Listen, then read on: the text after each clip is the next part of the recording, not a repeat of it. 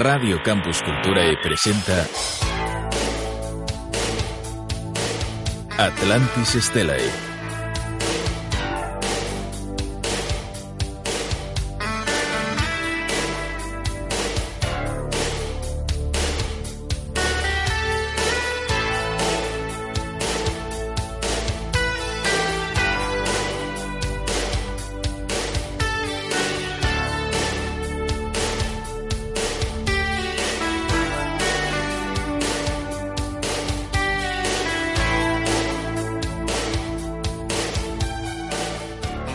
boas noites, benvidos, benvidas unha semana máis a este que é o vosso espazo de Atlantis Estela.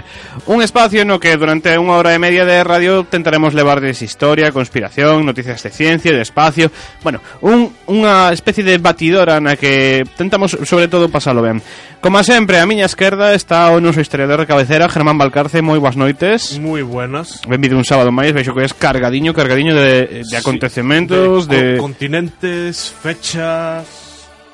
Bueno, vi, supoño que viches correndo, porque tío xa estabas en, en Coruña e, e Vino la que ir aí a toda velocidad. En la moto, Sí, sí en la Vespa. Ya sabréis lo que pasó en Coruña Xa no seguinte Select Games nos contará. Marcelo Safores, que xa vo, xa voiades por aí de fondo, moi boas. ¿Qué tal? ¿Cómo estás? Ti- ¿Todo bien? Non descarrilaches onte no tren de medianoche? No, para nada. Bueno, a ver, el tren salió un poco con retraso, pero bueno. No, pero eso foi a semana pasada, esta. sí, sí, bueno. Eh, estás aí unha hora. Eso foi porque alguén antivo aí nos nosos eh, Sí, servidores sí, e modificou sí. algunha lista. Modificó alguna lista. eh. Ah, en fin. Ya cortaremos una, una cabeza. Sí, non hai problema. Pois nada, como sempre, eso, imos arrancar unha hora e media de radio na que falaremos, como lles dicía ao principio, de, pues de todo un pouco, ¿no? De historia, como sempre con Germán Marcelo, ti non sei que nos traes hoxe.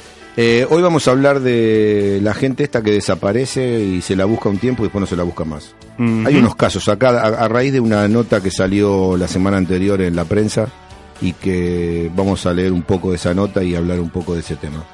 Moi ben, eu, por exemplo, pois falarei dun caso no que un astronauta, bueno, un cosmonauta, máis ben, saleu da Terra cando non existía a Unión Soviética e volveu sendo ruso. Bueno, ¿y cuando se fue de dónde era? Kas- ¿Kazajo? No, no, no, da URSS. Da URSS Bueno, era era, ruso. era soviético. Era soviético. Pero claro, xusto volveu, o sea, xusto cadroulle no mm, espacio con el pasaporte al llegar e no, quedou, no, quedou o problema é que quedou varado no espacio donde, durante o caso un ano porque non o podían recuperar porque Joder. Rusia non tiña cartos para poder recuperar a o sea, un añito de vacaciones pagadas. Si, sí, bueno, pagadas, pagadas. Falaremos despois de, de todo o que padeceu este home Que non, non foi pouco. Pois co control técnico de David Leiro Que como sempre fai que todo isto sone como ten que sonar Imos dar comezo a esta eh, Atlantis Estela E facémolo como sempre. Pois con esta parte queremos enchamar Que sucedeu unha semana.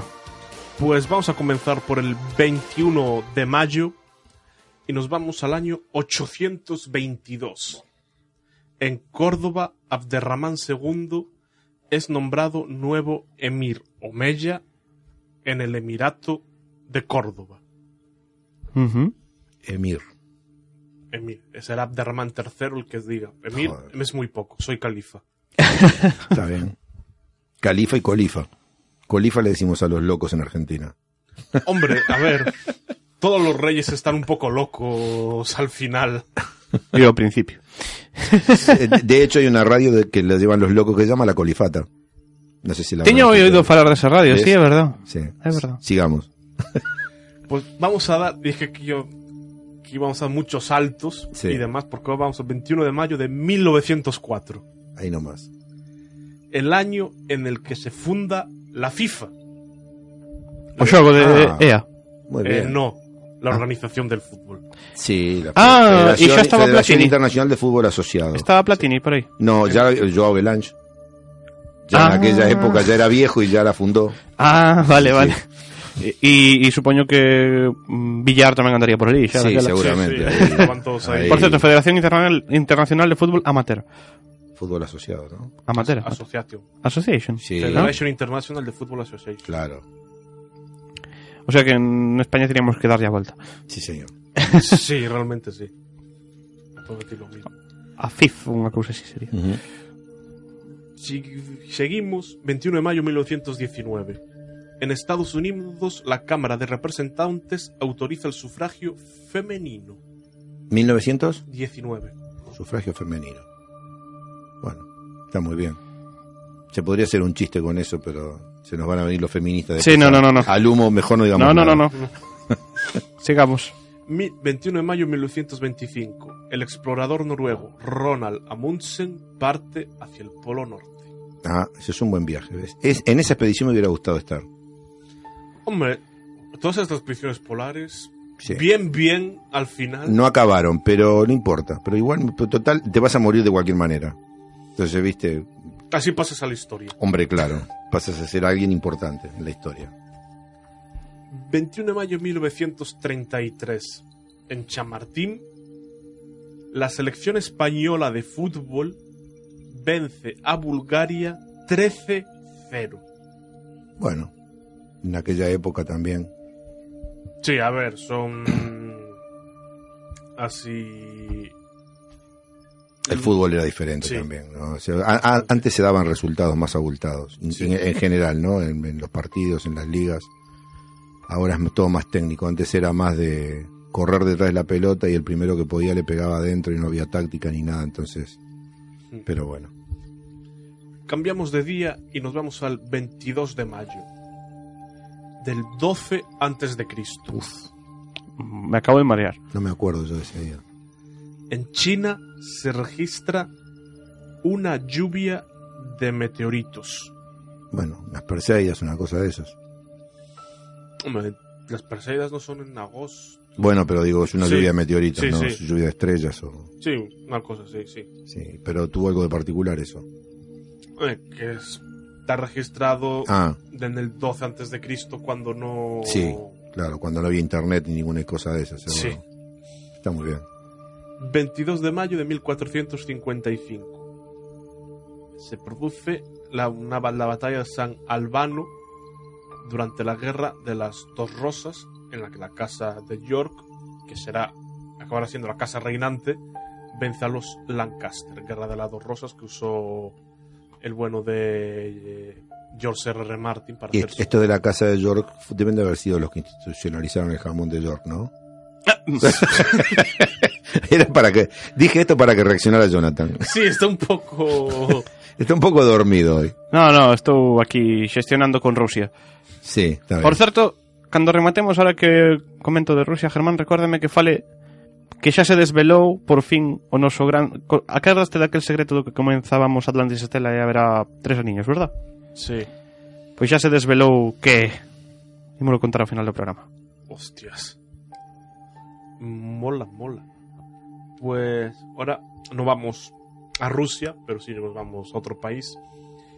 22 de mayo de 1526. Las ciudades italianas de Milán, Florencia y Venecia firman una alianza con Francisco I de Francia, el Papa Clemente VII y Enrique VIII de Inglaterra para combatir a Carlos I de España.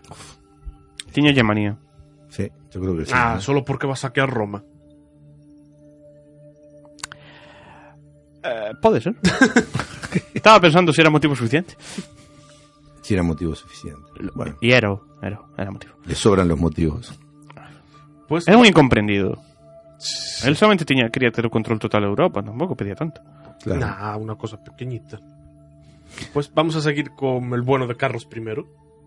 Porque el 22 de mayo de 1542, el rey Carlos I de España ordena que se mande remediar las crueldades que se cometen en las Indias. Bueno, Bien. en buena hora. Ta- Tardou un pouco, pero por lo Sí, demás sí. bien, ningún problema. Claro. Nah, 100 añitos. Sí, sí, y todavía no se solucionaron esos problemas. Están vigentes. Imagínate, el mensajero se perdió por el camino. Está todavía buscando. Te digo, joder. El GPS, joder. Sí, sí, sí, sí, lo mandó a las Indias y vas a saber con qué India se enredó por ahí. Indus, Indus. Vamos a dar un salto de estos que molan a lo bestia. Porque vamos al 22 de mayo de 1906. Ujú. donde los hermanos Wright patentan su aeroplano. Mirá vos. Faltaban tres meses para que naciera mi abuela. Vaya. Claro.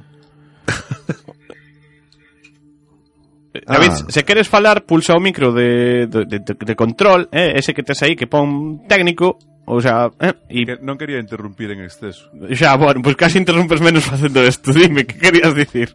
Que de 1906 tamén é a Estrella Galicia. Claro. Tamén, Por tamén, eso está eh. la 1906, por eso, claro. por, por eso os hermanos Wright patentaron o, o aeroplano. Y le habían dado a la estrella. a la estrella y dijeron, no. Tomaron dos estrellas de Galicia y se fueron a volar. se hicieron bosta contra el suelo. Sigamos, Germán. Vamos al 23 de mayo de 1807. En Montevideo aparece La Estrella del Sur, el primer periódico que se publica en la ciudad. Pensaba que iba a ser un tipo cometa o algo. No, no, está bien. Es un detalle histórico que me acuerdo que nos, nos lo enseñaban en la escuela. Es verdad, ahora me la Estrella del Sur. Sí, señor. Primer periódico. Qué curioso, ¿no? Que vos ensinen, quero dicir, cada día, esto xa comentamos algunha vez, pero sorpréndeme moito como as diferencias no, porque aquí se vas a preguntarse a calquera rapaz, incluso da nosa generación, eh, Germán, xa non falo de recentes, incluso de antes, e lle preguntas, cal foi o primeiro xornal que se fixo en España? Eh, no lo sabría. é que creo que non o sei tampouco eu ahora el, faro, el Faro de Vigo, diario decano de la prensa nacional, 1853. Gracias, David. Eh, hoy, hoy sí tenemos un, un apoyo logístico como corresponde. Pero sabe por qué está estudiando este tema. Bueno, non importa. Quero dicir que non é o que De- veño a dicir que non de- é algo que De todas formas, acaba de decir 1853, ¿no? Sí, non é, a ver, el, eles falan que son o diario decano da prensa nacional. Ahora, que antes de se houbera algunha gacetilla por aí, xa escapase aos meus controles. Sí, seguramente Digo, habría. porque es- la Estrella del Sur es de 1807, es decir, todavía es más antiguo el de Uruguay que... Claro. Que o nacional, sí, pero, Pero- non sei, o sea, o que quere dicir con isto é que, por certo, a voz de Galicia non é de 1833? Non, é posterior. ¿Ah? 1873. Eh, eu sabía que había un 3 polo medio.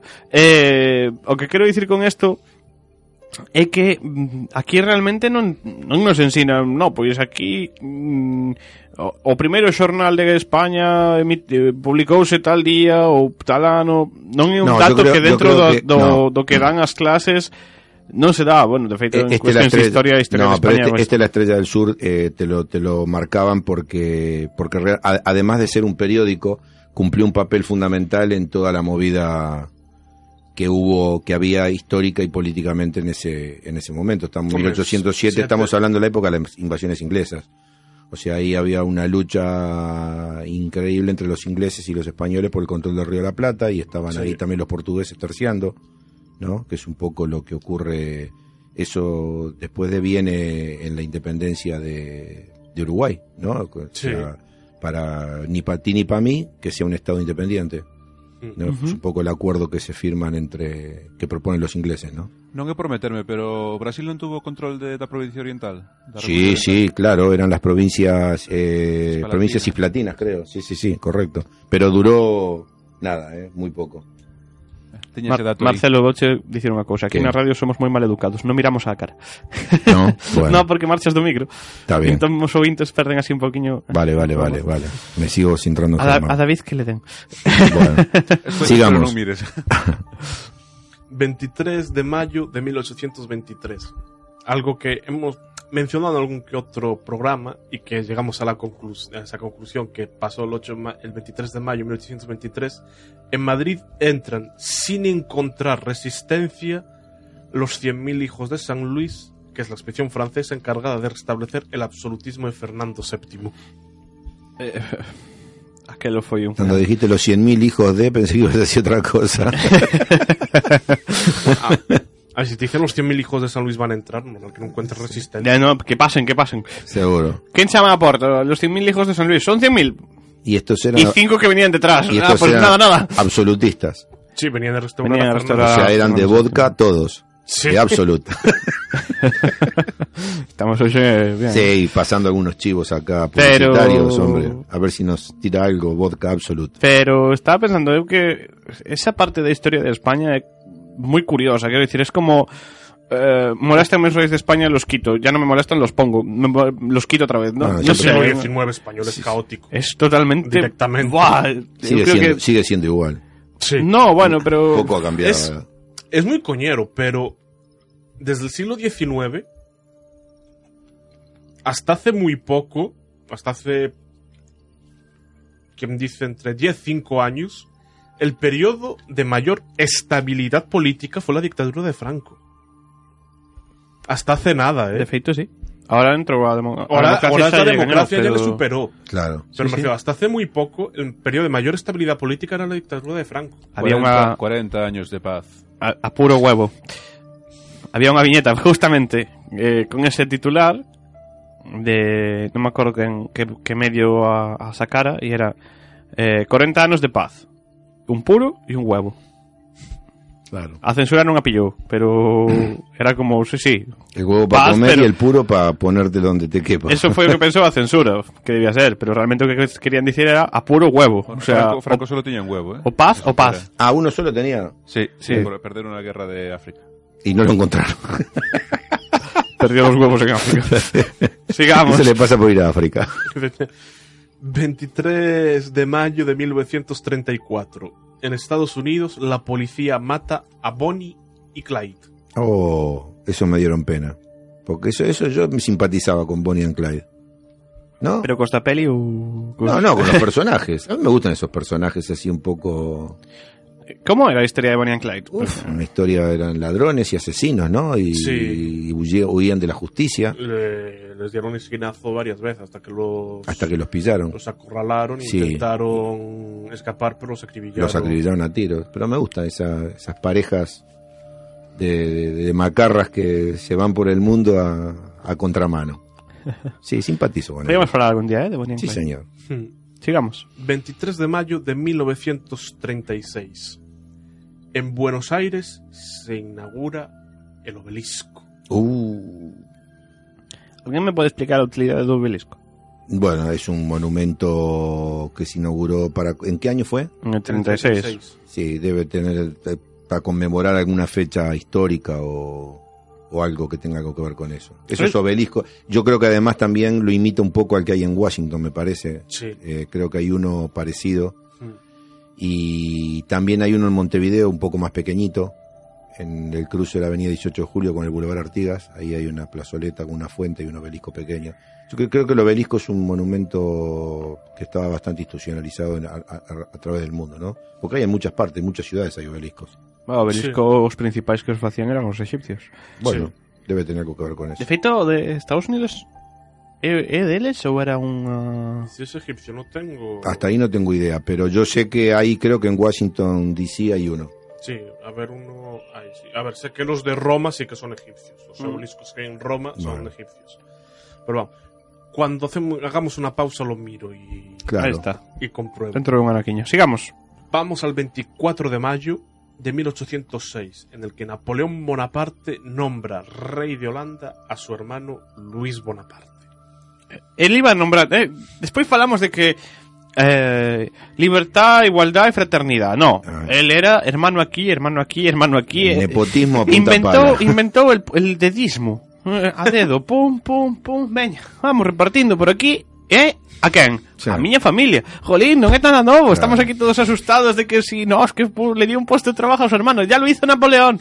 Sí. Solo que él re- repartía reinados. Ma- no sé. Claro, era más generoso. Peor me parece. Pero sigamos, Germán. 24 de mayo de 1819. En Nueva York zarpa el buque Savannah, primer barco a vapor que atraviesa el Atlántico. Sa... Curioso, Sabana. curioso, curioso. De feito, durante moitísimo tempo eran... o- vas- Vamos, o- ata que entraron os avións, porque de Zeppelins mellor non falamos. Eh, amigos de Lindenburg. Eh, pero foi basicamente o, o medio de comunicación entre América e Europa. Os transatlánticos. Sí. 24 de mayo de 1943, algo muy divertido. 24 de maio de ¿Qué va? 43. No es divertido para nada.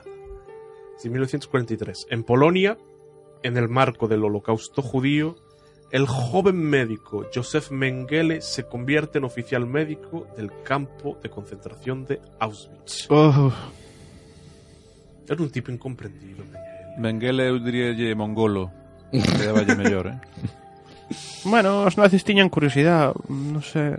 Eh, eu Claro, é que falámoslo ao principio do programa, falamos do, da cultura nazi e o problema que ocasionou toda aquela investigación é que agora aquela persoa que queira intentar ir un pouquiño máis alá da, do habitual, case case que se lle compara con, con Mengele.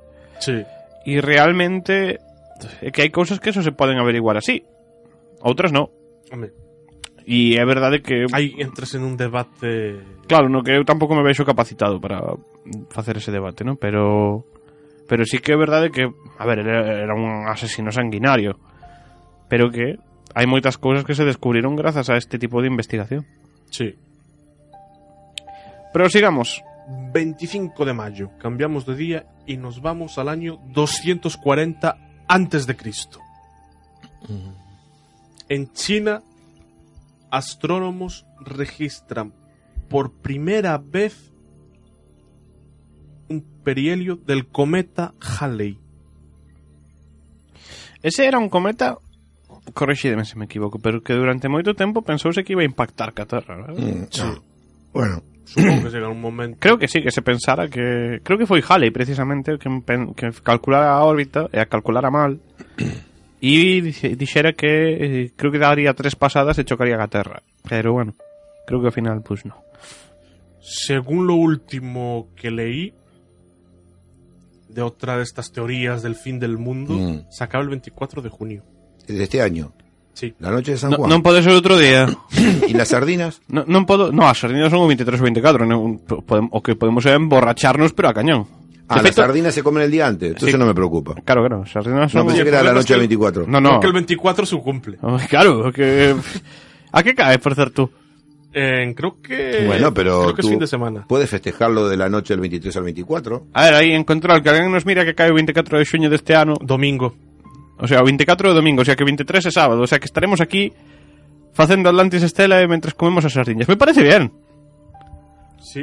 Me parece un buen plan. Efectivamente, sábado y domingo, justo. Sí. Muy bueno, para las sardiñas las pueden cocinar alguien acá en el estudio de al lado, ¿no? No. Unha macro queimada ali na plaza... Podemos baixar os terretes aí á plaza do Burgo das sí, Nacións, sí. facemos o Atlantis Estela e ca sardiñada. Sardiñamos, perfecto. Sí. Comprado. Pero sigamos, non traio tarta, eh, que acaba o mundo. Pues... E por certo, por que se acaba? Non sabemos, non?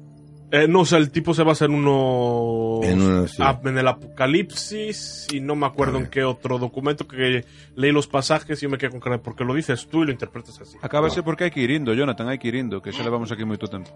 Sí, también. Es, una buena. Una buena explicación. Sí. David quere matar ao presentador deste programa Sigamos 25 de mayo de 1815. Volvemos con nuestro amigo Napoleón. Y es que los gobiernos de Inglaterra, Prusia, Rusia y Austria, cuando se escapa de la isla de Elba, lo declaran enemigo del mundo. E xa está E así nos cargamos un dictador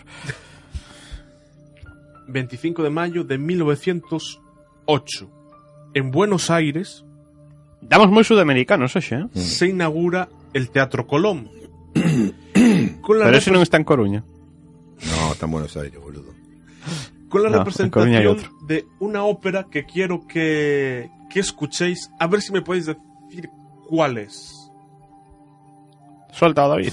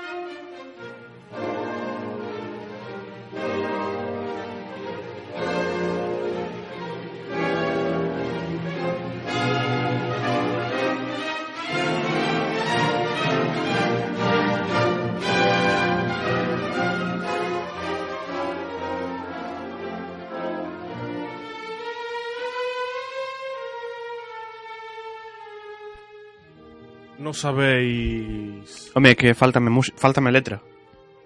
Es que es música. Pero non era unha ópera. Aida, de Giuseppe Verdi. Ah, pensaba que Aida era de mm, non Carmen... É, non é de Esperanza Sur tampouco, eh? No. que vas a decir, de Telecinco? Sí, claro. eh, sí de estaba ser. pensando o nome da actriz, pero non me acuerdo. Carmen Machi. Eso. Pensaba que, que era Aida, era de Carmen Machi. Sigamos, eh, Germán, 20. con esta Aida de fondo. 25 de mayo de 1925. En Estados Unidos, el gobierno indulta al maestro John T. Scopes, encarcelado por enseñar la teoría de la evolución de Darwin. Ahora sí recoñecía a Ida, ¿ves ahí? ¡Eh! Eh, mm, ahí tenemos. Eh, baixa un poquinho, David, por favor. Eh, decíamos, pois, que, bueno, Estados Unidos nunca se, nunca se caracterizou precisamente por ser o país máis progre do mundo. Mm, No, yo lo De feito, creo que hai zonas de Texas que ainda renegan un pouquiño a teoría da evolución.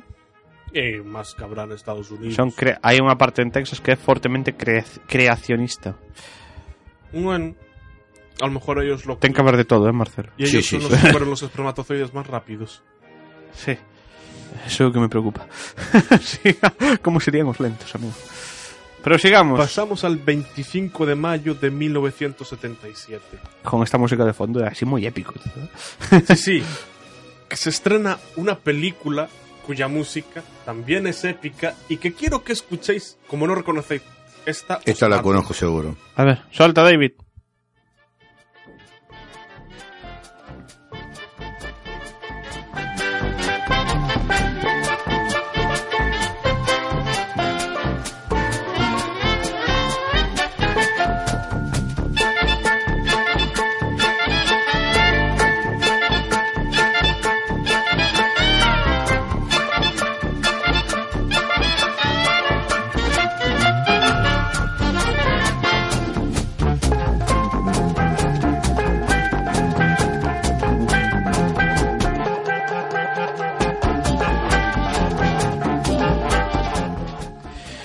Vaya.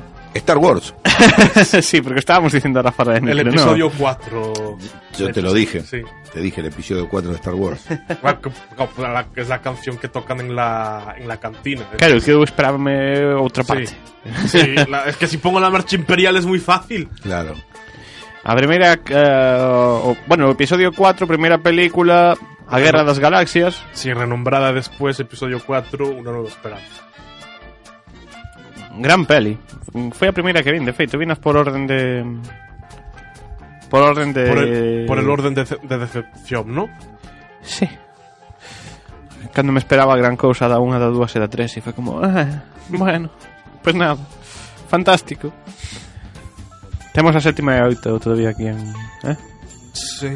Preocúpame que hai uns renos por aí, non sei. Eh?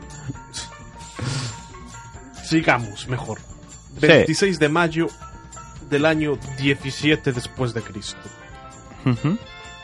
Germánico Podemos pasar se queres David a música de fondo do programa que vai quedar retoma, retorna a Roma como un héroe conquistador para celebrar las victorias sobre las tribus germánicas. Germánico. Hmm, vaya. Ti non vas retornar victorioso Atlantis de che digo. Sí. Sigamos. 26 de mayo de 1504, Gonzalo Fernández de Córdoba, a instancias de Julio II, el Papa ordena la detención de César Borgia y su traslado a España. Mm, outra familia incomprendida, Marcelo os Outra Borgia. familia complicada, non? Sí, a ver, simplemente... Este tamén che caen ben, non? Que che ben Bonnie and Clyde, supoño que os Borgia tamén... Sí, sí, a mí... Toda esta gente que camina contra a mano, con decisión me... me, me no, sí, decisión había. Eh? decisión tiña. Por eso. A mí, creo que non era tan exagerada a cousa como se nos plantexou unha serie, nunha serie creo que era de Antena 3 Televisión, titulada Los Borgia, que aquelo era un pouco... Bueno, xa sabemos como estamos habituados a facer as cousas en España, igual deronlle un poquinho o sexo demais. El despiporre máximo. Pero El despiporre, me había olvidado esa palabra. pero mm, A ver, una cosas que siempre se dijo es que Hombre, sexo hay siempre, en, to- en la vida. Sí. Sí, no, todos. está claro, pero bueno, que aquí en España somos moi Muy de sexo. moi de meter sexo incluso onde non o hai. Bueno, mira de los Tudor en Gran Bretaña, BBC tamén chegaba ya ben de sexo, eh? Sí, tamén a ver. Claro. Non me no Tudor. Hoy ahí en Inglaterra, en esos palacios tan grandes con tantas habitaciones que no están controladas y debe pasar de todo, tío. claro. Pero sigamos, Germán. 26 de mayo de 1897 se publica Drácula, la, del autor irlandés Bram, Bram Stoker. Mm. El conde Drácula. Mm, Baseado en outro personaxe do que xa falamos en Ujú. este programa. Volveremos con Drácula. Sí. Sí. Sigamos. 27 de mayo de 1792. Un invento que aquí nos gusta mucho, en especial a Marcelo. Epa. En París se utiliza por primera vez la guillotina. Ah, sí, la sí, sí, sí, guillotina, sí. la ¿De cuándo es? guillotina. 27 de mayo de 1792. Creo que voy a empezar a acelerar el 27 de mayo, como un efeméride. La guillotina. Es el mejor invento de la historia. Y no lo estamos usando como tendríamos que usarlo. ¿eh? Sí, no, a más de uno habría que... Hombre. Bueno, Sí, sí. usar usámolo moito, eh? A Sí. guillotina usase moito. Pero ahora... Vaya aí a Tórculo e usana todos os días. Sí, bueno. sí, pero para cortar papel, no para... Claro, hombre, yo en la guillotina de cort... Bueno, la guillotina de las cortapapeles son buenas. Porque ahí puedes poner cinco o seis a la vez. No tenés que ir de a uno. Claro.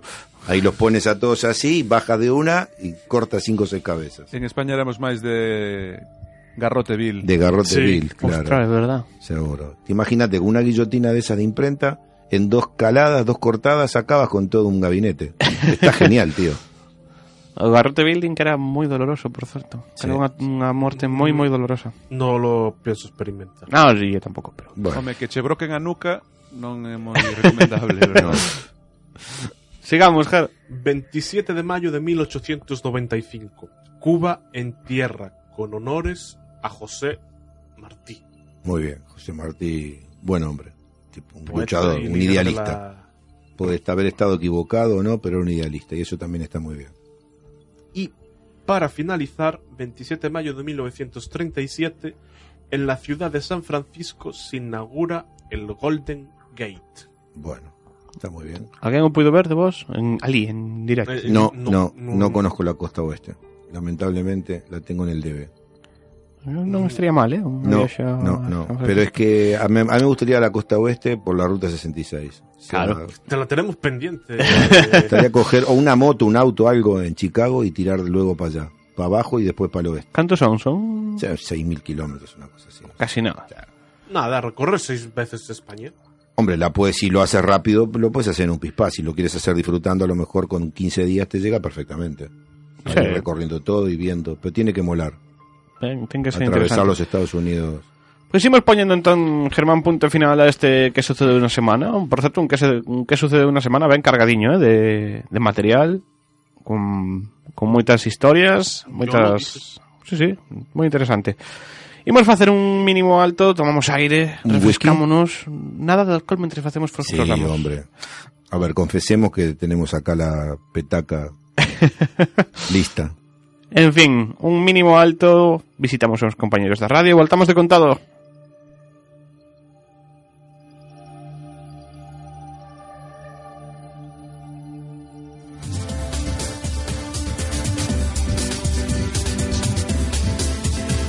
Radio Campus Culturae. Hey, gustache a radio? Sabías que na USC hai unha radio aberta a participación de todo o mundo? Radio Campus Culturae, a radio da diversidade. Sí, sí, Radio Campus Culturae está aberta a participación de todos e todas. Colabora con Radio Campus Culturae e fai oír a túa voz. Ponte en contacto connosco a través da nosa web www.radiocampusculturae.org o noso mail campusculturaeradio.gmail.com a través das contas de Facebook e Twitter de Radio Campus Culturae ou directamente preguntando por nós na Facultade de Ciencias da Comunicación da Universidade de Santiago de Compostela. Únete a Radio Campus Culturae. Colabora ca túa radio. Radio Campus Culturae, a radio da diversidade.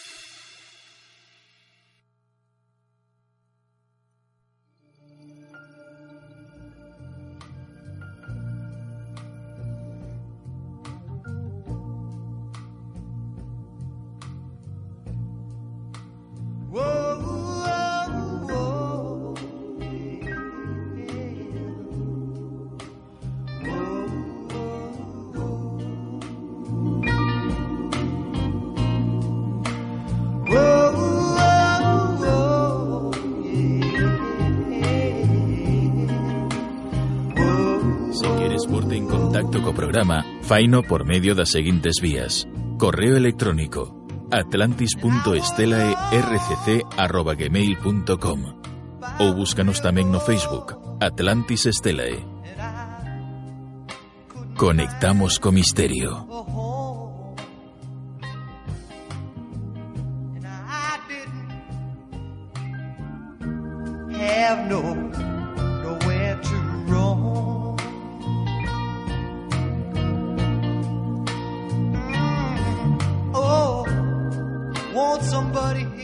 Mentres Germán busca como prometera eh, o tema dos obeliscos, eh, Marcelo, ti hoxe traesnos como era? Como podemos desaparecer sen deixar rastro? Mm, Bueno, no, a ver, eh, la, nota que salió publicada en la, en la revista semanal del país eh, el pasado 20 de mayo eh, es una nota que firma Nacho Carretero y que se llama Los 12 Olvidados, ¿no? Y, y, digamos, son 12 casos de menores que han desaparecido en circunstancias muy poco claras y que de- por algún caso, como no se ha tenido ningún tipo de, de pista para seguir un, de- ni de rastros así para seguir una pista, en algunos casos se han quedado ya, esas búsquedas han sido suspendidas, ¿no? O, han quedado prácticamente en un proceso Sí, está claro. no, de un punto no que no. Entonces, claro, eh, es un poco... Y yo leí esta nota, y entonces, bueno, la, la, la imprimí porque quiero leer unas partes de la nota,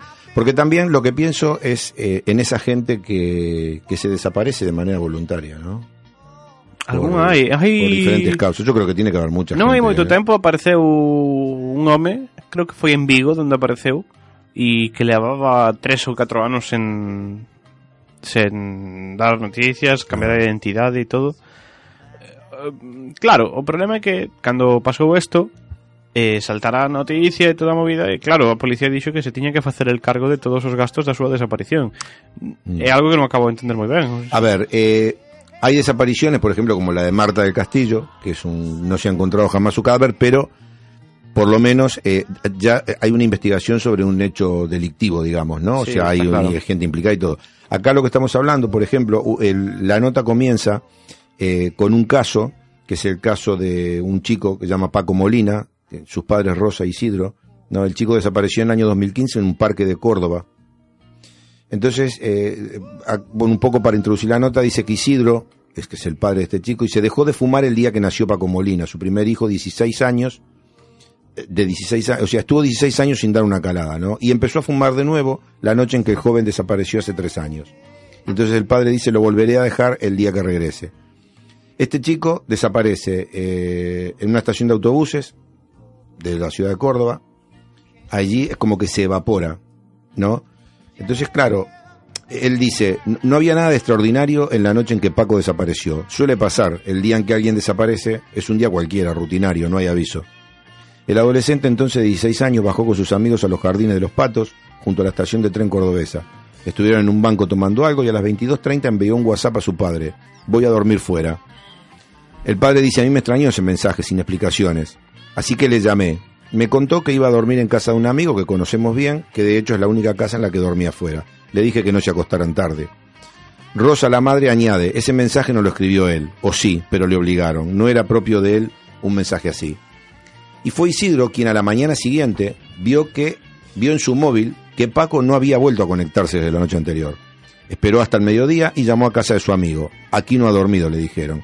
La respuesta lo dejó helado y él se fue directamente a la comisaría. Allí le dijeron que estuviera tranquilo, que aparecería. No le hicieron demasiado caso, la verdad. Así que se fue a los hospitales por su cuenta. Tras la búsqueda sin resultados, Isidro se acercó a Guadalquivir, que atraviesa la ciudad, al río, ¿no? Yo ya tenía claro que había pasado algo, dice el padre. Buscaba por el río su cuerpo, no sé. Pero si le habían pegado una paliza, me di cuenta de que estaba temblando mientras buscaba. Fue el domingo después de toda la noche sin dormir cuando nos dicen que un conductor de autobús vio a Paco coger un bus a Madrid la noche de su desaparición. Es lo último que se sabe de él. Desde ese momento, la nada. Ya van tres años.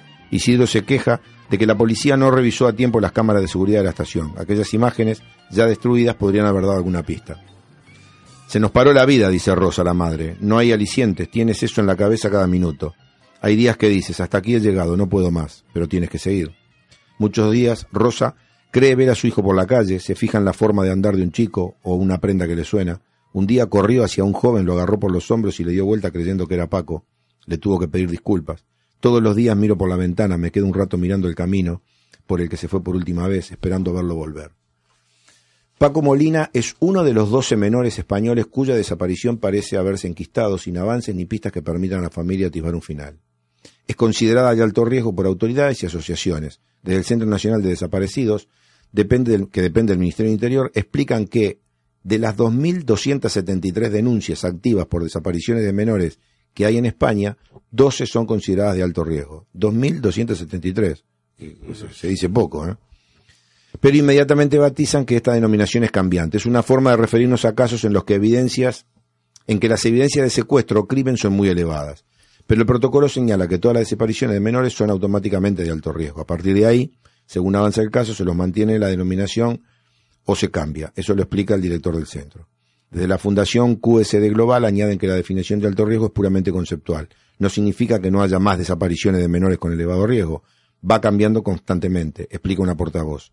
A ver, yo, digamos, eh, lo que pienso es, acá estamos hablando de un menor de 16 años que evidentemente su fisonomía cambiará poco a medida que, que se haga adulto, ¿no? Pero, por ejemplo, cuando hablamos de menores más pequeños, Uf, ¿no? Como el caso de aquella chica, aquella niña de los ingleses que desapareció en el Algarve. McKay. Marlene McKay. Exactamente.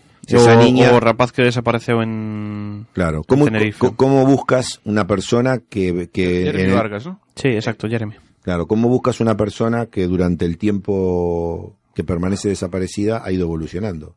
No, ya no es una, ya no puedes buscar una niña de 5, 6 o 7 años. A mí hai algo Ya que me... hoy después de, Cando- de cando- 10 o 12 años ya estás buscando una mujer, ¿entiendes? A ver, hai, un, hai programas informáticos que son capaces de mm, de generar una progresión. xerar unha progresión, Sí. exacto.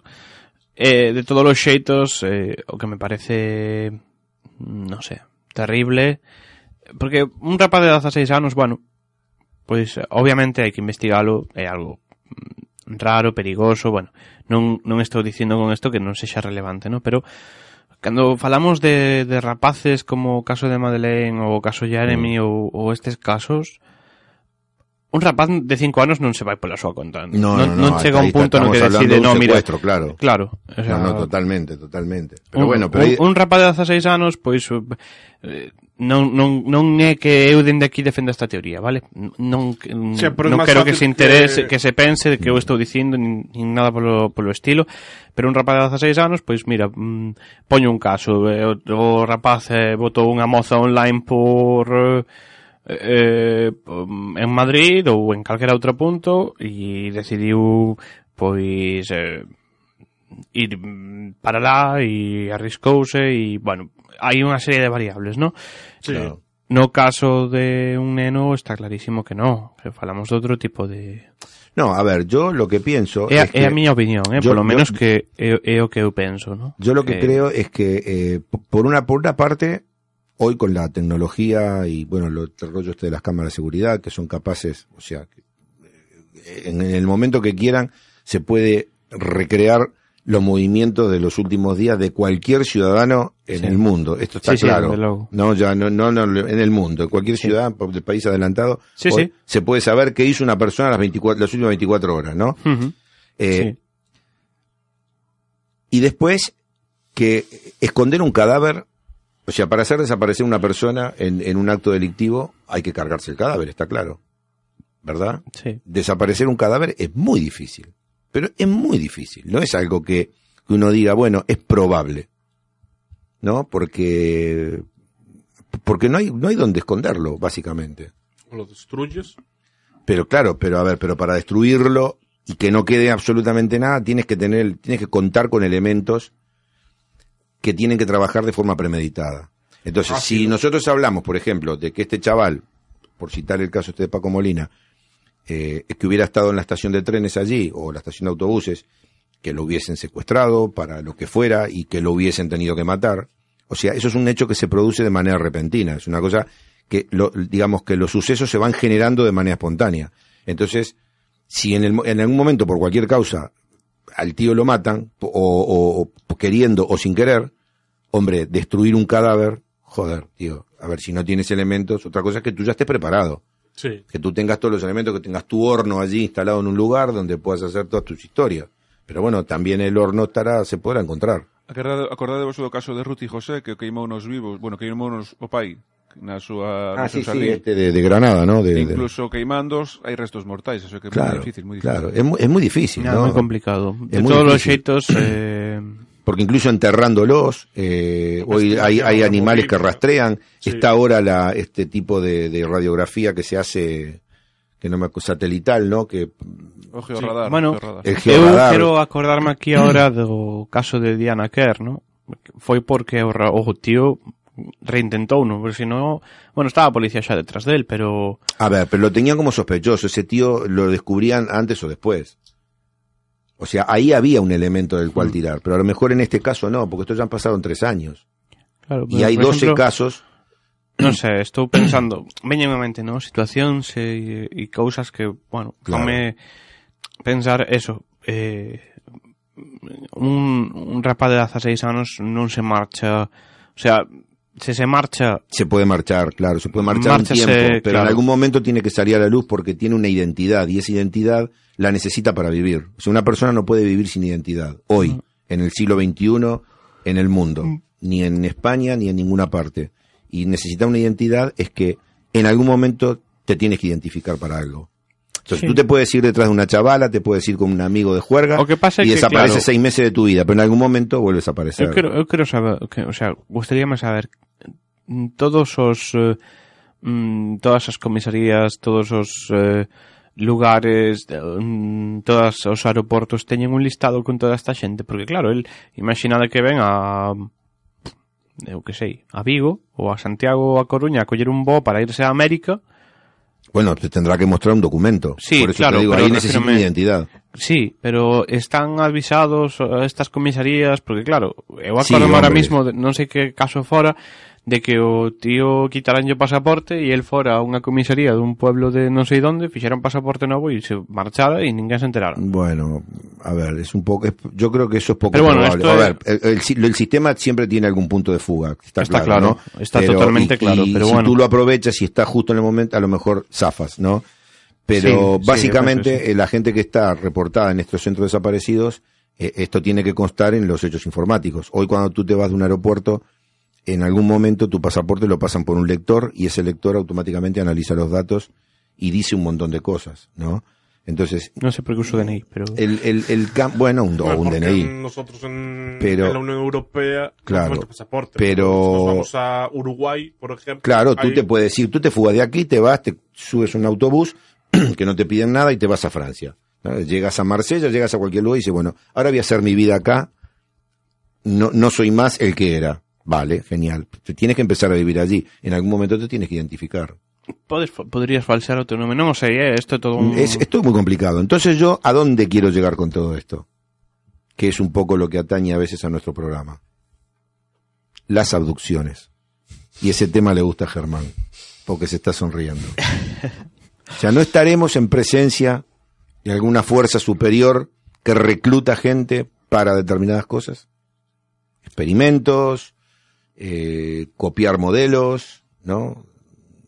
No sé, piratería industrial, por llamarlo de alguna manera. A ver, o curioso do tema, entrando así nunha hipótese, es, eh, Y a ti te gustan estos temas también, che, universal, digamos, ¿no? seguro. O curioso do tema é que non so, son 12 en España, pero hai Mi- miles, de mundo, casos claro. de xente que se evapora Exactamente. da cal non se volve saber absolutamente nada. É, eh, hai tantos, é como cando falamos dos obxectos voadores non identificados, non? Hai tantas mm, tantos avistamentos que é eh, inviable eh, pensar que todo son eh, estrelas fugaces ou satélites, porque mm, non cadran as contas, quero claro. dicir, o número de avistamentos é altísimo. É verdade que en algún caso, pois alguén que non sexa consciente pode confundir a Estación Espacial Internacional cun ovni. Eu vin un ovni, Jonathan. Eu vexo unha aí diante miña na cristalera. Non, non, no, pero... en serio, en serio. Eu vin unha vez un ovni. Bueno, ves, non sería un frisbee. Non, non, tive un, avista, un, un avistamento. Estive, no, de, de feito, de, test, de, de testemunha teño meu primo. Tivimos os, os dous un obxeto moi raro. Un día claro, contarei, que... no, si queres. Sí, sí, sí, claro. Faremos, ao mellor durante o verán, incluso facemos unha alerta ovni. Collemos o relevo de Iker Jiménez e facemos unha alerta ovni. Uh -huh. Pero o que quero dicir con isto é que eh, claro, a ver, moitos deses obxectos seguramente teñan unha explicación. Hmm. Seguro. Pero aí o que me parece ata certo punto preocupante é que hai tantos casos, igual que neste caso, ¿no? Hai tantos tantas tantas desaparicións en todo o mundo que que falamos de xente que se evapora, que que non hai nada de de, de pronto desaparecen nun no, non se volve a saber absolutamente nada. Claro, desaparecen en condiciones totalmente normales. No sí, claro, hablando estamos falando de alguén de que, que, se fue a hacer esquí o se fue a hacer montañismo y no volvió. Que sí, bueno, nada, se desbarrancó por allí. Hay muchos de los que hacen alpinismo que han Que desaparecido en la montaña y han aparecido a lo mejor sus 50 cadáveres, años más tarde, sí. Claro, por los de hielos o por lo que sea. No, no. Estamos hablando de gente que desaparece como podríamos desaparecer cualquiera de nosotros tres, que hoy vinimos a la radio y que estamos acá y salimos de aquí y no llegamos a donde tenemos que ir. Sí. A ver, claro, eh, todo isto hai que tomalo con moita precaución porque máis claro, moitas desaparicións dase pois en terrenos realmente grandes, quero dicir, por exemplo, Marcelo ti ao mellor controlo máis camín, ¿no? Pero se mm. alguén, se alguén che di que houve unha persoa que saiu e eh, tivo que recorrer eh, a Pampa dunha esquina a outra, Mm. pois o mellor é normal que poida desaparecer porque é un é moi é un territorio moi amplio e moi Claro. ¿no? Ou se desaparece xente no deserto do Sáhara. Bueno, pues podemos Claro. falar de pérdidas. Totalmente. Eso no, eso no lo tomo en cuenta. Yo tomo en cuenta las desapariciones, en- ¿no? Como este caso, está en una estación de autobuses, manda un WhatsApp a su padre y no se sabe más de la vida de él. ¿Dónde fue? En 24 horas tampoco puedes ir muy lejos, Bueno, a menos que te cojas un avión. de 4 horas mm, ti pensa unha cousa de onde era, en que cidade era? En, en Granada. En Granada. Pois. De Granada a Madrid hai 4 horas en autobús. En 4 horas estás no aeroporto de Madrid, non non lles deu tempo de facer unha alerta. Bueno, pero si te vas del aeroporto de Madrid quedará un registro. Ou tren, a Co vale, pois pues collo un tren, quero dicir, se quero dar esquinazo tamén é fácil, eh? Sí, genial, te llevaba dinero. Non sei, non sabemos. Ah, Porque también para hacer todo eso tenés que llevar mucho dinero en efectivo. No llevaba dinero, lo cogió de una cuenta. Habrá un registro de banco donde fue... A ver, es que es muy difícil, Jonathan. Sí, no, complicado é, pero claro. Es muy difícil si no lo planeaste. Ahora, si el tipo, la persona lo planeó y se hizo, no sé, se puso 10.000 euros en el bolsillo para fugarse, bueno. Pero una cosa repentina, que salió a jugar a una partida con los colegas y no volvió, tenía todo planeado. Non o sabemos. Es un pouco E, nunca vamos a ver, a non ser que aparece este, Por eso, este rapaz. por eso. Entonces, ese caso. a lo eh, mejor dun- estamos en- Dunha en- persoa que apareceu traballando nun hotel en Vigo e era un desaparecido e despois se desapareceu voluntario e houve moitísima polémica porque tal... Claro, aí neste tipo de casos, se ti queres desaparecer eh, tamén é moi cómodo, o sea, moi viable chamar á policía e dicirlle, mira, son fulanito de tal, Quiero desaparecer. quero desaparecer. E punto. O sea, non quero que me busquedes. Eh, estou ben, foi baixo a miña... Sí, pero tal. eso, eso es un poco complicado. Porque... De pronto deixamos de irte, Marcel. Ah, detrás de una desaparición eh, hay muchas cosas en juego, ¿no? Y eh, de pronto yo que se puede haber seguros, eh, hay... Claro, pero por eso digo, se ti chamas e dis, mira, mm, son fulanito tal, eh, ou presentaste nunha comisaría e dis, mira, ben, simplemente que non quero...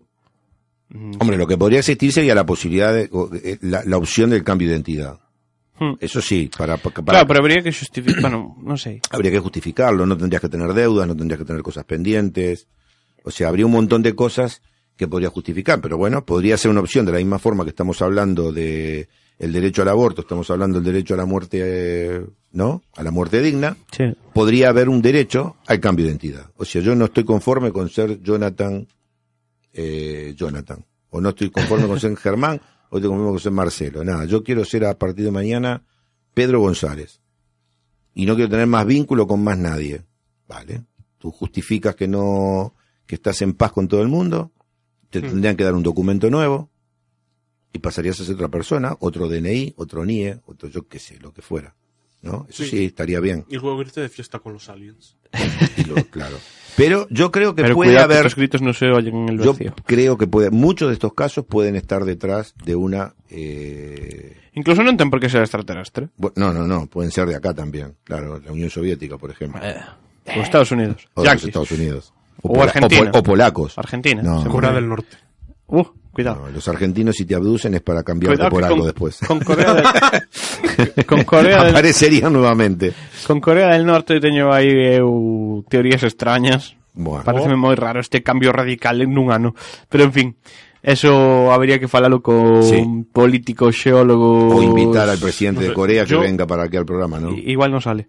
Pero Estoy convencido de que pase lo que pase si hay conflicto, China va a estar frotándose las manos en plan, daros, daros, que después voy a venir yo y me voy a quedar con todo. Claro. también. China se va a quedar esperando y son muchos miles de millones. Como hizo Macedonia. Pois cando xa estamos achegándonos a unha da madrugada Que vos parece? Se deixamos un, unha cancionciña que nos trouxo Marcelo sí. Facemos un mínimo alto Imos a saudar despois da canción outros compañeros de, da radio Voltamos de contado xa que a parte final Onde falaremos dun cosmonauta ruso que quedou un ano varado no espacio Música e imos a Publi. Ahora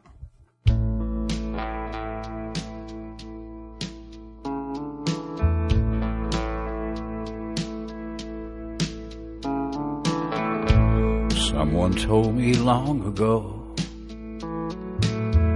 there's a calm before the storm. I know it's been coming for some time.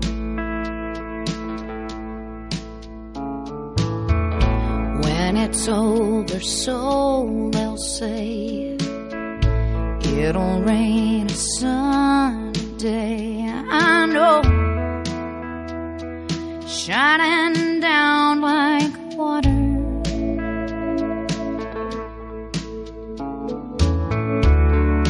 I wanna know, have you ever seen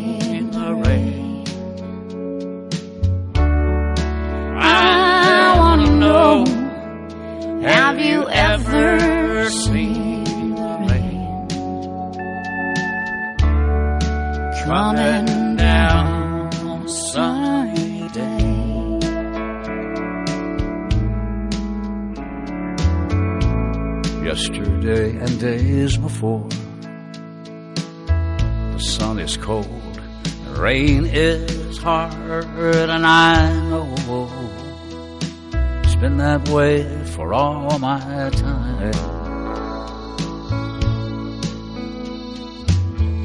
till forever on it goes. Through the circle fast and slow it can't stop i wonder.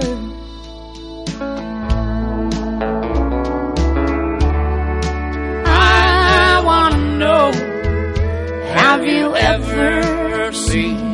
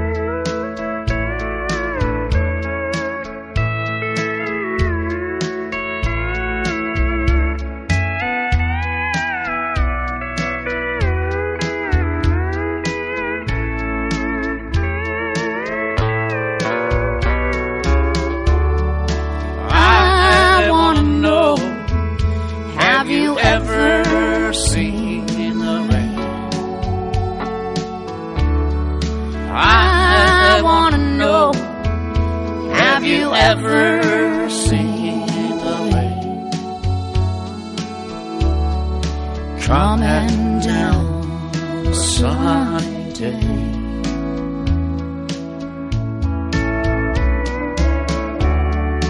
I want to know Have you ever seen the rain? I want to know Have you ever seen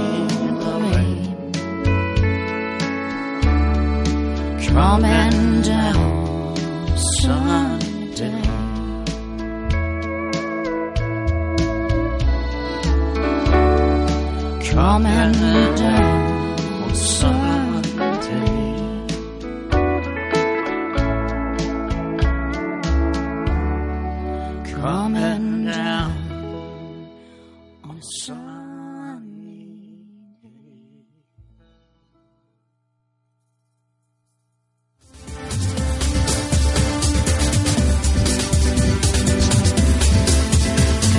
Radio Campus Culturae.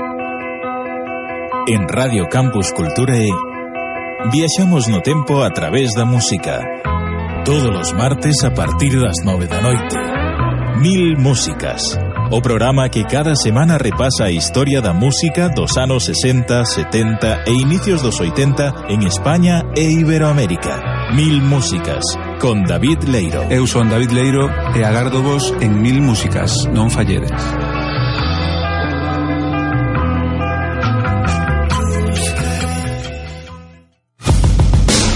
Se che gusta baloncesto, tes unha cita cada luns pola noite en Radio Campus Culturae. Todos os luns, dende as 10 da noite, Planeta Obra, ca actualidade da ACB centrada sempre na evolución do equipo de Santiago de Compostela, o Cabo Obradoiro, e a partir das 11, o mellor da Liga Norteamericana en NBA Adictos, cos colaboradores habituais. Lembra, todos os luns, ás 10 da noite, Planeta Obra, e ás 11, NBA Adictos. Presenta Manu Guiao. Bienvenidos al club. Radio Campus Culturae.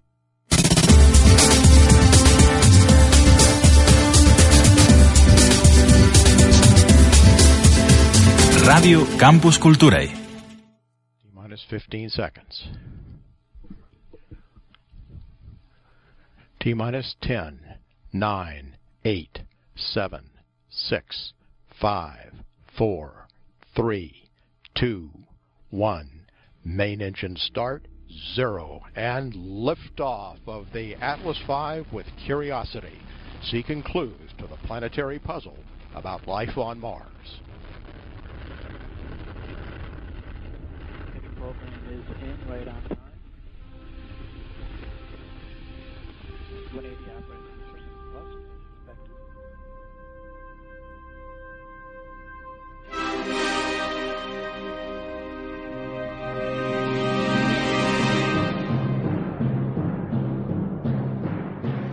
Pois aquí seguimos en Atlantis Estelae despois desta pequena pausa, este pequeno descanso que nos sube ben, eh? refrescarnos un pouquiño nestas noites que xa vai calor, e a máis como se nota que aquí Na residencia universitaria Burgos Nacións non escatiman en calefacción porque neste estudio hai que estar en manga corta, eh?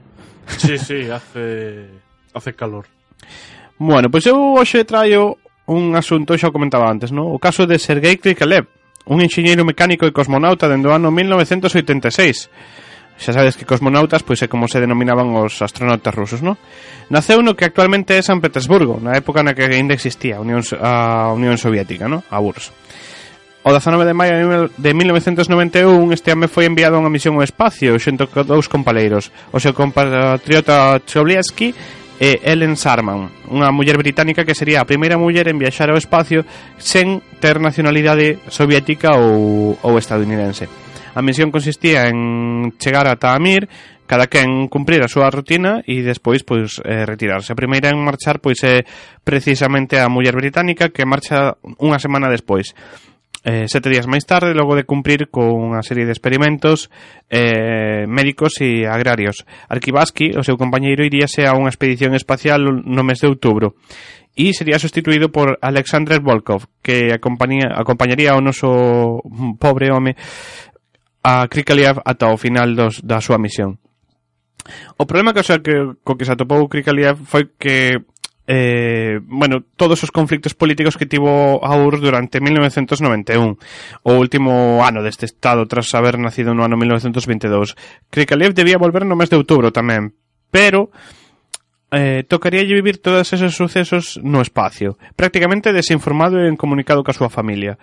Eh, Isto debeuse a que como todo cambio político e social drástico, a separación da URSS causou unha crise económica en todos os países que a conformaban, entre ellos a propia Rusia, ¿no? onde nacera Krikalev.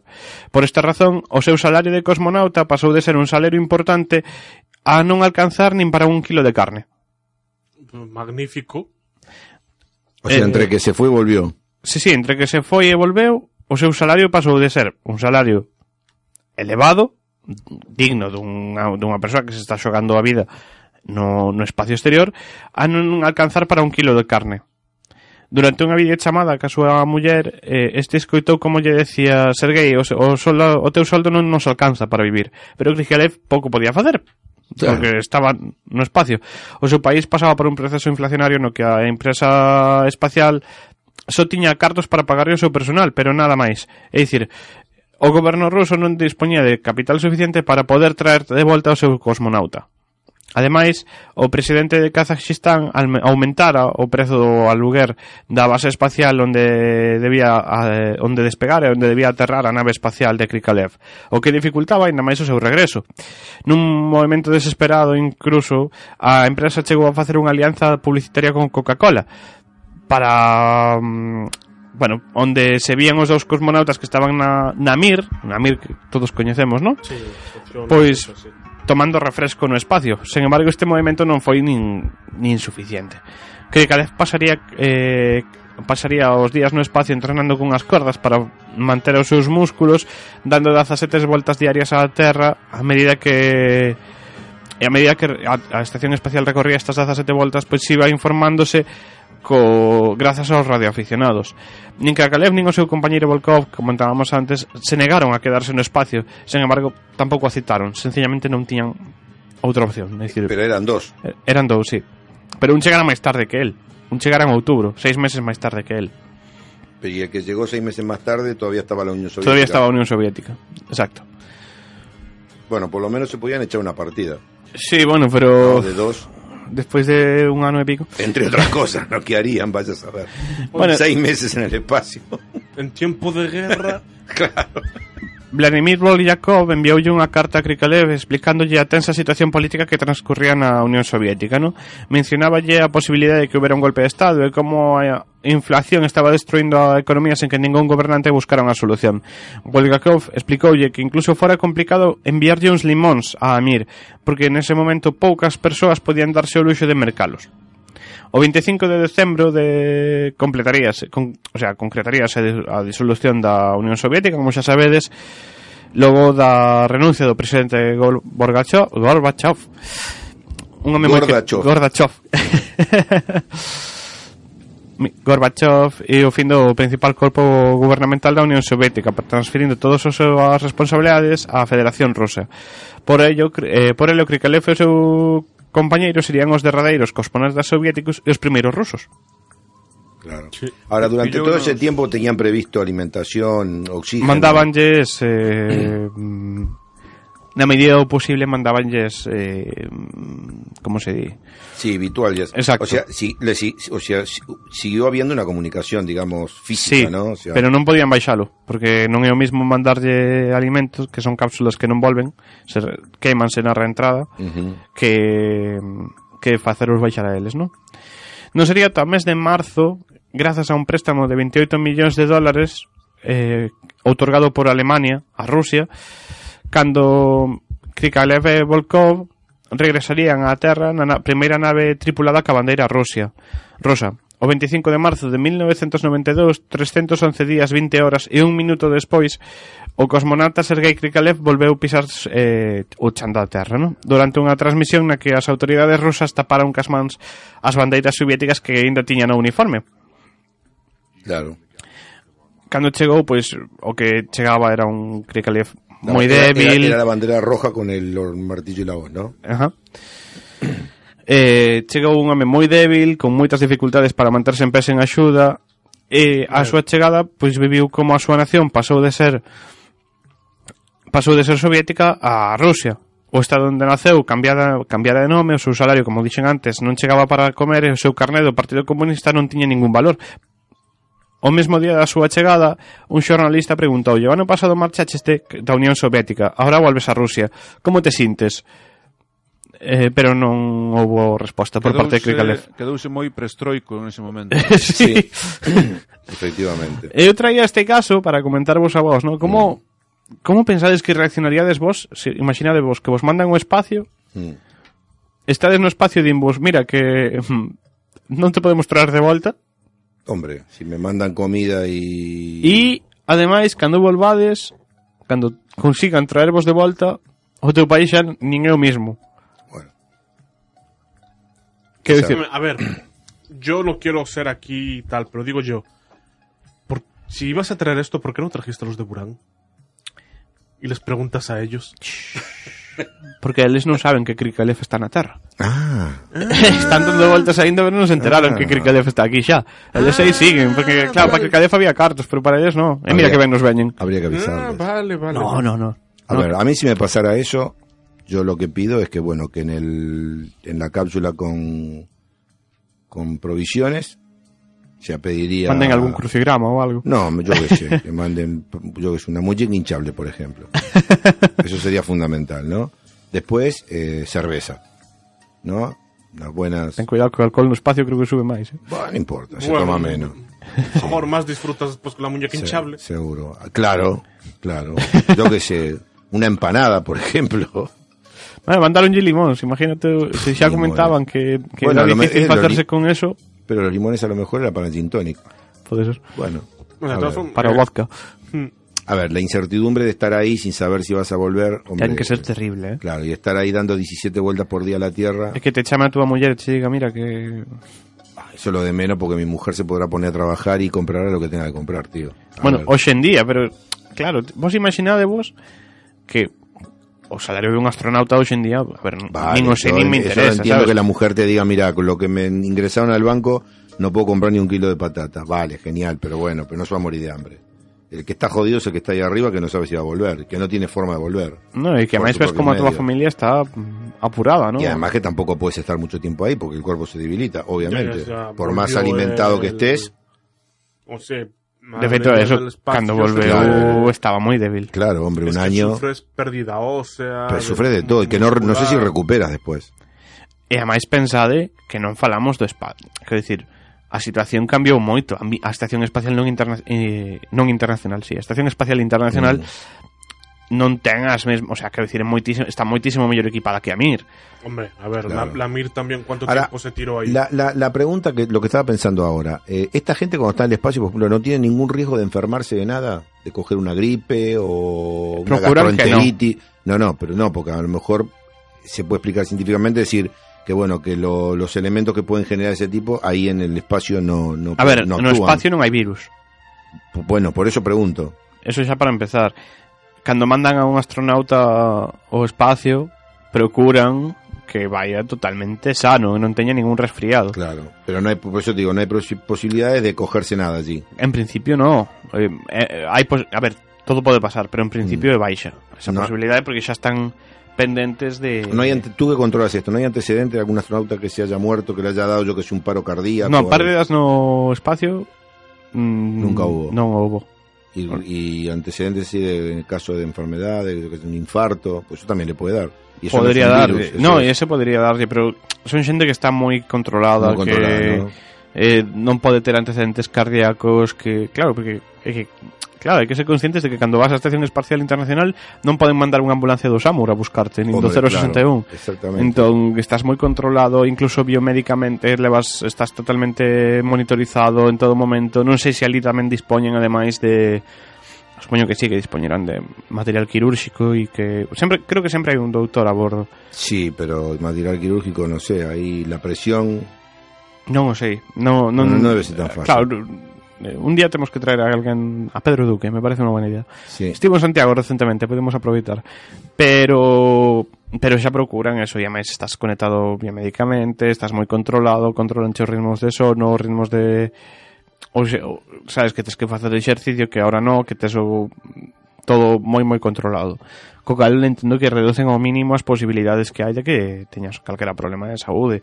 De todos os xeitos, eu lembro igual estou equivocado, pero eu lembro que hai uns anos, na primeira misión que foi Pedro Duque ao espacio, iba un home maior mm, con eles y levaba un vamos, iba totalmente monitorizado, incluso non sei se levaba algún tipo de y, mm, como se chaman os aparatos estes que se pregan para Mar- dar marcapasos.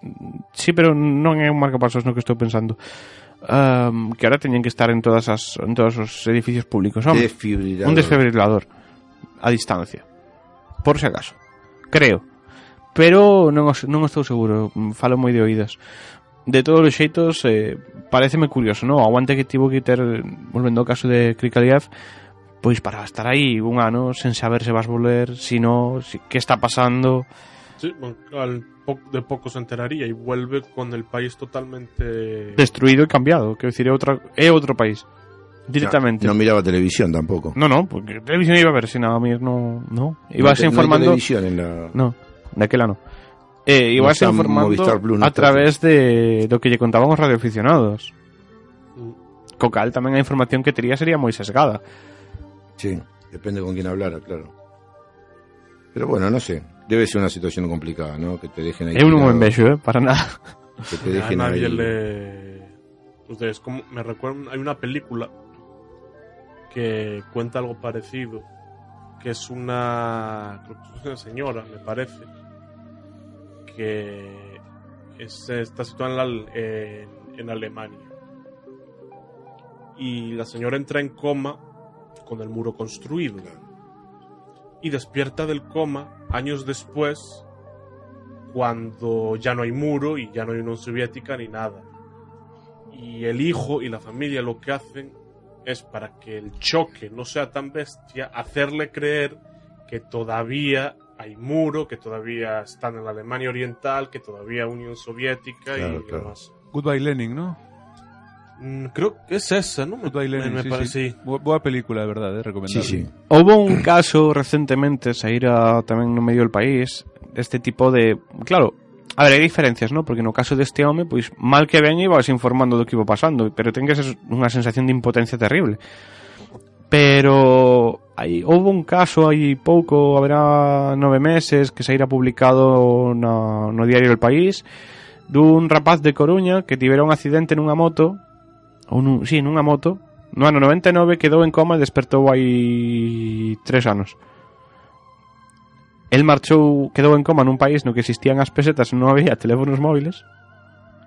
Claro. E, e cando volveu en sí, non é que haxa teléfonos móviles, é que existe internet, que cando el marchou era un un, un nada comparado co que temos hoxe. Claro, claro. E, e comentaba na, nesta reportaxe, nesta entrevista reportaxeada, que eso para el fora moi chocante, que fora como despertar nun mundo totalmente distinto. Bueno, también, por ejemplo, está el caso de los de cuando acabó la Segunda Guerra Mundial, de algunas divisiones japonesas que estaban en la jungla, Sí. que no fueron informadas de que No Japón hay se había tanto de eso, ¿eh? que no habían sido informados de que Japón se había rendido y ellos siguieron en guerra y se permanecieron ocultos eh, esperando a combatir al enemigo. Sí, de Hasta que feito- después lo descubrieron dijeron, a ver, tío, ¿qué estás haciendo ahí? Estoy en guerra. No, tío, la guerra acabó en el año 45. ¿Cómo? Sí. ¿No? Y estaban Bastante- allí. Sí, sí, han Nada, aparecido no, casos. hace poco, fai nada. Han aparecido muchos casos. Este, pero bueno, por ahí andamos medio justos de tiempo ya, ¿no? Eu creo que sí, que, que debe ¿qué quedar pouquinho jefe? tempo. Dez minutiños de programa que nos quedan, pues Diez creo que minutos. Podemos, eh, prometido algo. ¿Qué pasa? ¿Con qué? Ah, é verdad. Vale. Ah. Eh, bueno, por si acaso non os coitaron cando arrancábamos este Atlantis Estela, eh, cando arrancamos por primeira vez con Kenia Quintáns e, e Tony España no control, por certo, en aquel programa que ainda facíamos no, na Facultade de Ciencias no, da Comunicación, nos propios estudios da Facultade de Ciencias sí. da Comunicación, moito cambiou isto. Nos eh, falamos aquel día... En tres estudios distintos hemos grabado sí. este programa. cousa xa un pouco terrible. Nos falábamos aquel día dun proxecto que ten precisamente Rusia e que precisamente nacera cando ainda era a Unión Soviética que se chamaba a emisora VB76. Esta emisora é moi coñecida no mundo do radioaficionado, emite creo que eran uns 4510 kHz en onda curta e consiste nun zumbido constante, nun, nun pitido que digamos é como un intermitente, de, fai 25 pulsos por minuto, vale? Non teño aquí ningún corte, ou no, non teño ningún corte. Estaba pensando se, se estaban aí no, no, ordenador pero que esco, escoitade o programa número 1 de Atlantis Estela e podedes escoitar como, como sonaba esta emisora. Pois hai relativamente pouco salía publicado na revista Science que hai un grupo de investigadores de, Mos de Moscú que teñen concedida o uso dunha emisora na banda dos 4510 kHz para investigar de forma militar as, eh, a mobilidade da heliosfera. Unha, acordo este Germán que era unha das teorías Sí. que se tiña. Entón, pois, eh, como que xa quedou confirmado. Que, que eran aquelas famosas números e aquelas... Eh, eh, esta emisora tiña de particular que era o que máis intrigaba a todo o mundo incluso a CIA non tiña nada claro que, que era isto parecía unha emisora espía falárase incluso de que era un posible mm, eh, como se chama Mm, control del hombre control del muerto. hombre muerto en que pois estes pitidos constantes o que facían era manter desactivadas as, as eh, bombas nucleares que posuía Rusia e que en caso de que alguén atacara Moscú se ese pitido se interrompía automáticamente atacarían, sairían disparadas cara a Estados Unidos esa era unha das teorías. Eh. Había múltiples teorías, outra que era para enviar información aos, seus, aos espías eh, rusos fora de Estados Unidos, fora de, de Rusia, perdón, fora de, da Unión Soviética, porque se parecía moito a unhas as típicas emisoras de números que eran as empregadas por os espías e que tiñan un código, esa emisora daballes un código que despois se les aplicaban distintos xeitos para resolver eh, os seus, eh, bueno, o que as órdenes que lles iban enviando. Neste caso, parece ser que tomamos todo isto con pinzas, de acordo? Parece ser que o que esta, estas eh, locucións de números que de vez en cando se soltaban na VB76 o que marcaban eran as coordenadas de onde se atoparan modificacións na consistencia da heliosfera. Tiene sentido que puedan ser coordenadas, ¿eh? Es una lista de números. Me esperaba algo más. Sí, eu cando me enterei foi como... Jo, plan- que chasco de pronto, ¿no? Hombre, a ver, era una de las teorías. Eh. Sí, no, era unha das Alguna cousas que se pensaba. Alguna investigación ten- tenía, tenía que ser. Porque a máis non tiña sentido que despois de tantísimos anos pois fora un un pedal del hombre muerto ou fora un algún tipo de Además, incluso lo llegamos a, a decir, esto empezó durante la Unión Soviética. pero estivo moitísimos anos nos que non se fixera ningún tipo de emisión, simplemente o zumbido.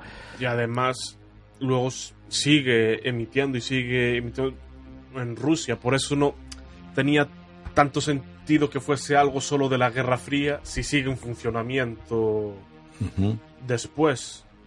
Pois sí, descubriuse eso, que un grupo de científicos, un, un proxecto científico, de feito, creo que patrocinado por, por a propia Moscú, pois ten a- esa autorización para empregar eses 4510 kHz, que é exactamente a frecuencia na que emite este mm, este mm, esta radio, esta emisora de, de Rusia. Estamos chegando ao final do programa, David. Sí, señor. Aí a música que temos preparada para o final que hoxe hoxe queremos irnos con a tomar algo, ¿no? Rapaces, eu creo que xa vai sendo hora de Sí, a comer algo, ¿no? Eu creo que Porque sí. Nos Sí, tenés sí. a pico seco aquí. Tío, David, Traigan comida. aí, vámonos a tomar algo por aí. Sí, señor. Y volvamos, voltaremos dentro de 15 días, xa chegando o verán. E iremos mirando, eh, aquelo da de facer o Atlantis Stella do día 23 aí Antes del fin del mundo. Aí, exacto, facendo a churrascada. Vémonos dentro de 15 días, sede moi felices, xa sabedes que podedes escoitar todo o programa de Radio Campus Cultura e todos os seus programas na página web www.radiocampusculturae.org que nos podedes buscar en Facebook que nos podedes atopar tamén en Twitter e quedade con nos con Radio Campus Cultura. E chao, paz. Tren de medianoche. llegado